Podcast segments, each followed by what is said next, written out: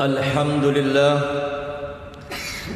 حمدا كثيرا طيبا مباركا فيه كما يحب ربنا ويرضى.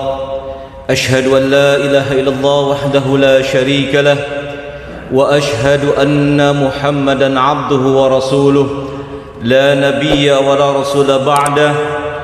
اللهم فصل وسلم على هذا النبي الكريم.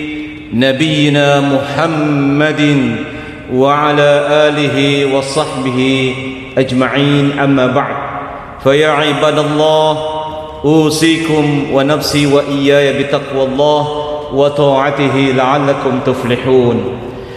معاشر المسلمين رحمكم الله salah satu cara kita mendapatkan rahmat dari Allah Subhanahu wa taala la'allakum turhamun. Agar kalian mendapatkan rahmat dari Allah Subhanahu wa taala fa idza quri'al qur'anu fastami'u lahu wa ansitu la'allakum turhamun. Apabila dibacakan Al-Qur'an maka dengarkan dengan serius dengan seksama tidak terkantuk-kantuk bahkan tidur. La'allakum turhamun agar kalian mendapatkan rahmat dari Allah Subhanahu wa taala. Ma'asyiral muslimin rahimakumullah bahwa Allah Subhanahu wa taala jalla jalaluh maha berkuasa, maha berkehendak, maha berbuat sekehendaknya. Tidak ada yang bisa menghalangi, tidak ada yang dapat menghindarkan daripada apa yang dilakukan oleh Allah Subhanahu wa taala. Dalam sebuah hadis kursi dikatakan Ayuhan nas anta turid wa ana urid wa ana af'alu ma urid.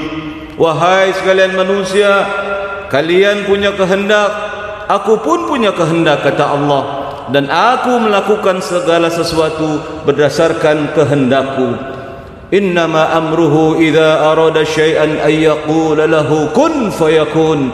Kalau Allah sudah beriradah berkehendak maka tidak ada yang dapat menghalangi daripada kehendak Allah Subhanahu wa taala. Dan apapun yang ditakdirkan oleh Allah, ditentukan oleh Allah Subhanahu wa taala itu ada hikmah, ada pelajaran-pelajaran yang dapat kita petik, dapat kita ambil manfaatnya dalam kehidupan kita selanjutnya.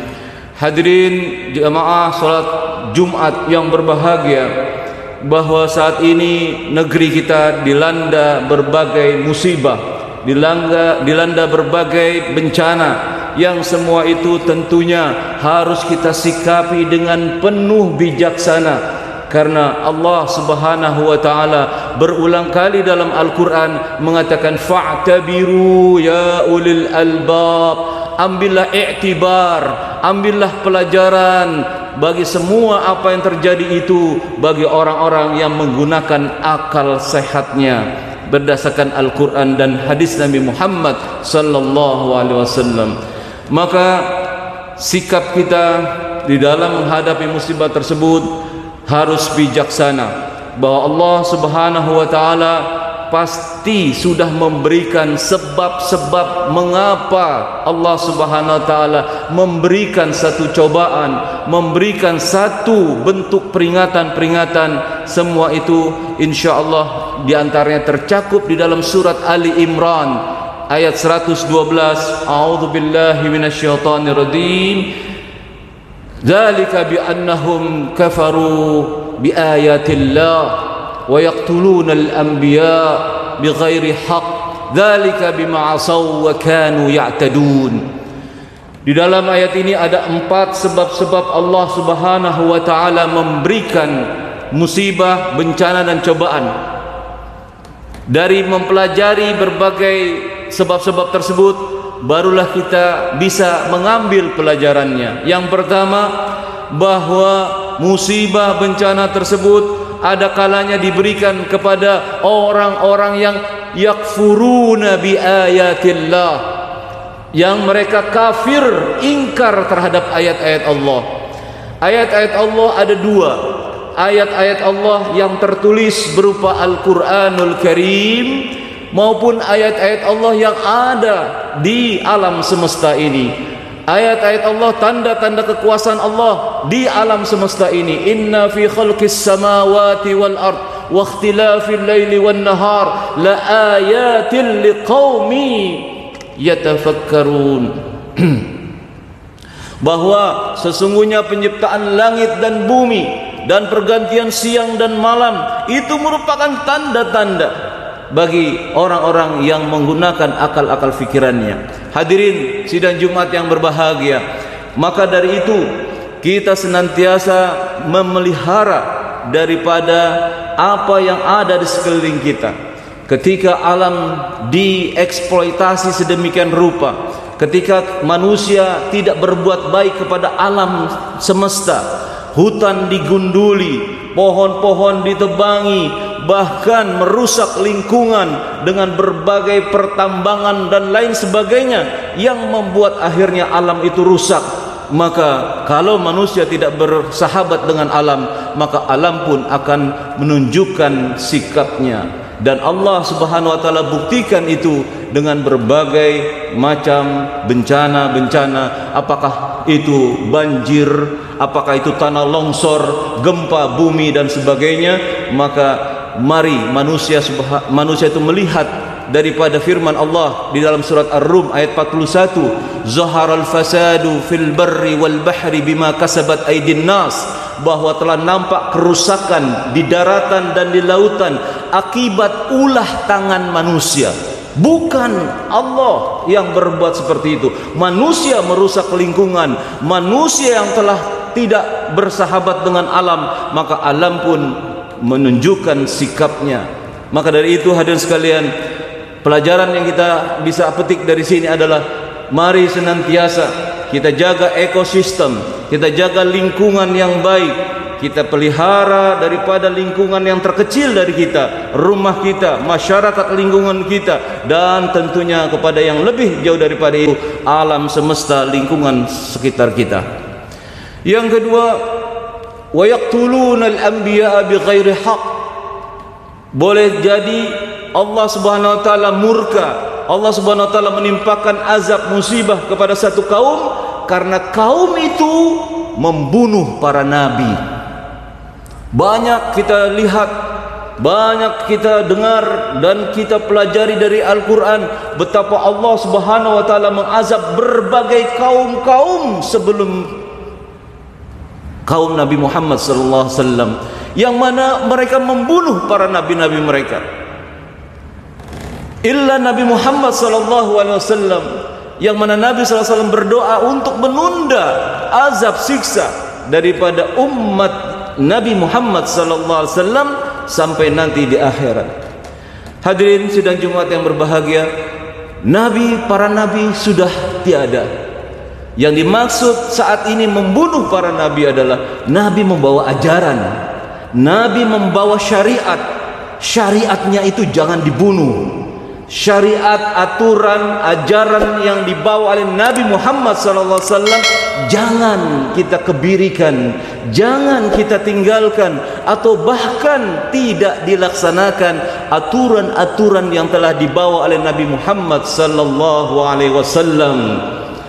Nabi SAW sampai menyatakan dalam sebuah khutbahnya dan khutbah Nabi SAW berapi-api sampai terlihat wajah Nabi yang putih kemerah-merahan. Nabi SAW mengatakan alaikum bisunnati wa sunnata khulafa'ir rasyidin al-mahdiyyin. Addu alaikum bin nawajis. Wajib kalian berpegang teguh kepada sunnahku dan sunnah para khulafaur rasyidin al-mahdiyyin. Empat khulafaur rasyidin Abu Bakar Umar Uthman Ali radhiyallahu anhum bagaimana sikap kita dalam menepati sunnah Rasulullah dan para sahabatnya? Addu alaikum gigitlah dengan gigi geraham kalian. Subhanallah. Nabi sampai mengatakan gigitlah. Itu pertanda bahwa pegang teguh sunnah Rasulullah SAW sunnah para rasul para sahabat Rasul wasallam. Jangan ditinggalkan sunnah-sunnah Rasulullah sunnah-sunnah para sahabat Nabi Muhammad SAW al-mahdiyin yang telah diberi hidayah.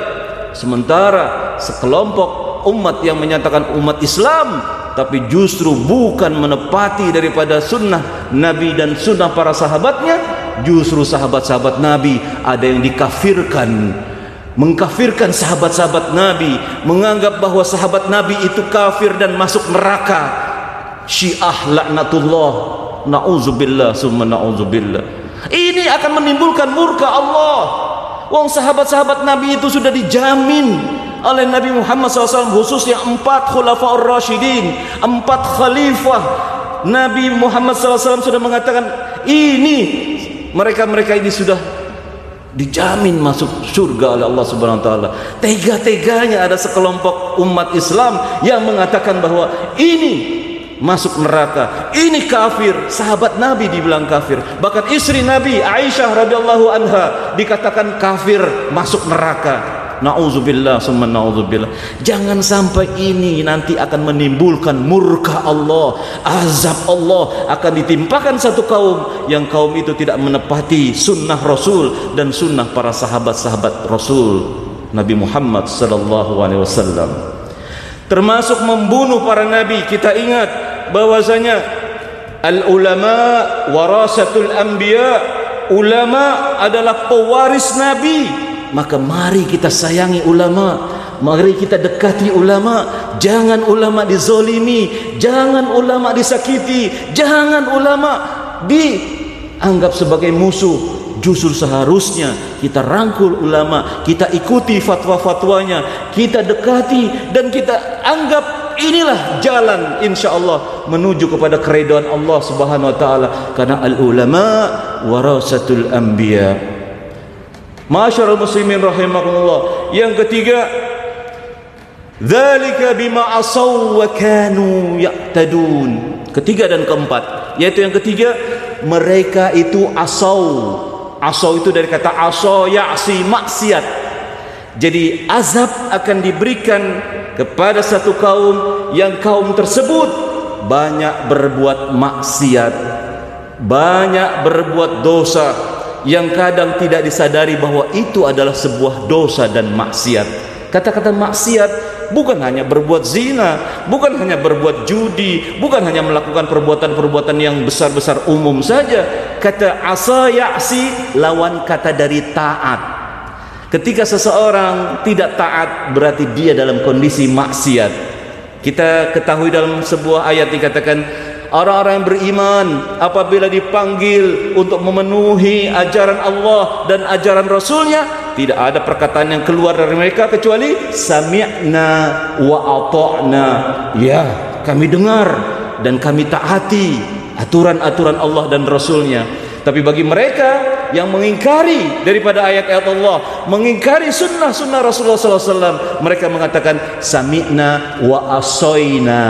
Kami dengar tapi kami tidak taat. Itu makna daripada maksiat. Ketika seseorang tidak dalam kondisi taat kepada Allah dan Rasulnya maka dia dalam keadaan maksiat. Sebuah hadis Nabi Muhammad SAW mengatakan man ata'ani dakhalal jannah siapa yang taat kepadaku mengikuti aturanku mengikuti sunnahku kata Nabi Muhammad SAW dakhalal jannah dia masuk syurga. Waman asoni siapa yang maksiat kepadaku berarti siapa yang enggak taat kepadaku. Diperintahkan untuk solat enggak solat Jumat. Diperintahkan untuk agar menyantuni orang-orang yang kesusahan padahal dia mampu untuk membantu sesama manusia. Dia pelit dia bakhil. Ini termasuk orang-orang yang enggak taat kepada Nabi Muhammad SAW dan itu termasuk orang-orang nauzubillah man asani faqad ada. Siapa yang tidak taat kepadaku dialah yang termasuk orang akan masuk neraka. Yang terakhir yang keempat bahwa azab musibah itu akan diberikan kepada mereka-mereka yang ya'tadun yang melampaui batas. Ada batasan-batasan Allah. Ada aturan-aturan Allah yang mesti kita taati yang enggak boleh kita melampauinya. Diilustrasikan oleh nabi kita Muhammad sallallahu alaihi wasallam likulli malikin hima wa himallahu maharimu. Setiap raja, setiap penguasa, pimpinan pasti punya larangan-larangan yang enggak boleh dilampaui. Sesuatu yang harus dicegah, dihindari. Ternyata ada seseorang yang melampaui daripada batasan-batasan tersebut. Maka ketahuilah kata Nabi Muhammad SAW, Wahimallah apa-apa yang tidak boleh dilanggar apa-apa yang tidak boleh dilampaui adalah maharimuhu. Apa-apa yang diharamkan oleh Allah Subhanahu wa taala. Enggak boleh dilanggar. Kalau kaum itu sudah melanggar batasan-batasan Allah melakukan perbuatan-perbuatan haram korupsi manipulasi curang khianat tidak amanah terhadap jabatan-jabatan yang telah diembannya maka jangan salahkan Allah Subhanahu wa taala kalau azab itu diberikan kepada kaum tersebut karena kaum itu sudah melampaui batas. Ma'asyiral muslimin rahimakumullah. Maka yang lebih penting daripada itu semua tubu ilallahi taubatan nasuha. Wahai sekalian manusia, kembali kepada Allah Subhanahu wa taala bahwa hikmah yang terbesar, pelajaran yang terbesar yang patut kita camkan saat ini adalah jangan salah siapa-siapa. Jangan salahkan siapa-siapa. Mari kita kembali kepada Allah Subhanahu wa taala karena semua itu adalah kata Allah la'allahum yarji'un agar mereka kembali kepada Allah Subhanahu wa taala dan Allah akan menerima segala taubat hambanya. Sebesar apapun dosa maksiat yang dilakukan asal dia datang kepada Allah tidak mensyirikatkan tidak mensekutukan Allah dengan sesuatu maka Allah subhanahu wa ta'ala akan mengampuni hamba tersebut. Dan Allah subhanahu wa ta'ala sungguh lebih senang untuk mengampuni dosa kesalahan seseorang melebihi senangnya seseorang yang di padang pasir dia kehilangan ontanya. Dia mencari-cari ontanya yang hilang sampai akhirnya dia tertidur. Ketika dia bangun ontanya ada di hadapannya. Maka saking senangnya orang tersebut dia salah mengucap.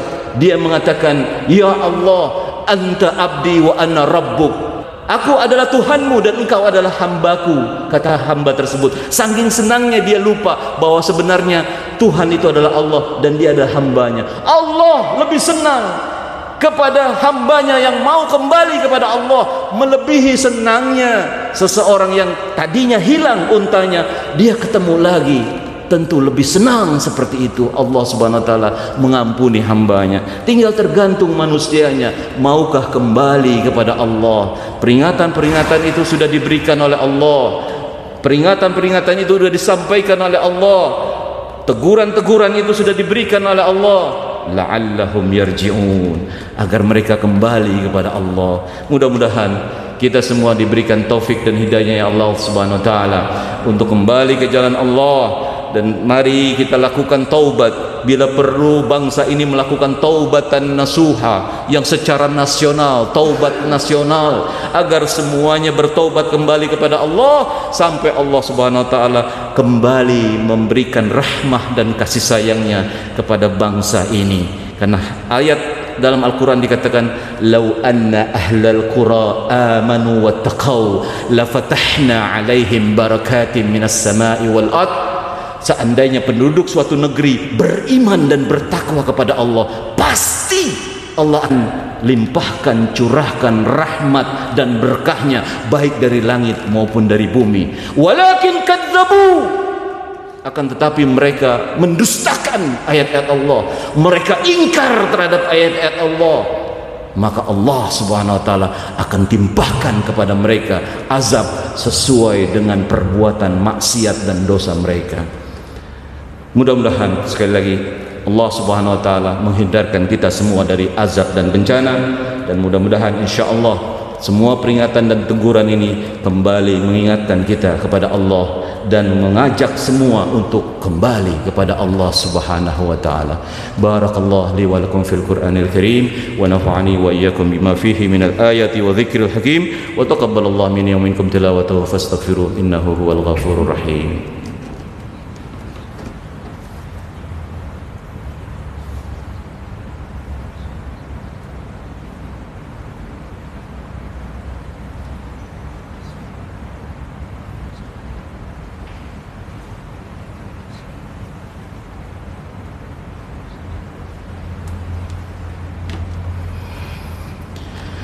الحمد لله إن الحمد لله نحمده ونستعينه ونستغفره ونعوذ بالله من شرور أنفسنا ومن سيئات أعمالنا من يهد الله فلا مضل له ومن يضلل فلا هادي له لا حول ولا قوة إلا بالله أما بعد فيا عباد الله اتقوا الله حق تقاته ولا تموتن إلا وأنتم مسلمون معاشر المسلمين رحمكم الله saat ini kita dengan mudah bisa sholat Jumat dalam keadaan aman, tenang, sehat, lahir dan batin insya Allah.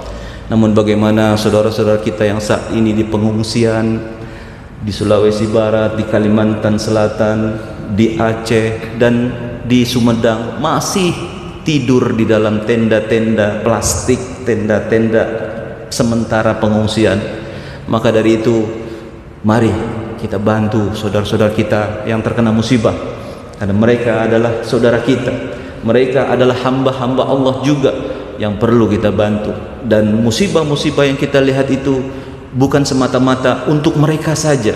Ini teguran bagi kita untuk bersedekah untuk berinfak mengeluarkan harta di jalan Allah. Ini ujian apakah kita termasuk orang yang bakhil yang pelit atau kita malah justru menjadi hamba-hamba Allah yang penyantun mau mengeluarkan sebagian harta yang diberikan oleh Allah kepada kita semua. Mari kita berdoa kepada Allah semoga Allah Subhanahu wa taala menerima doa dan permohonan kita.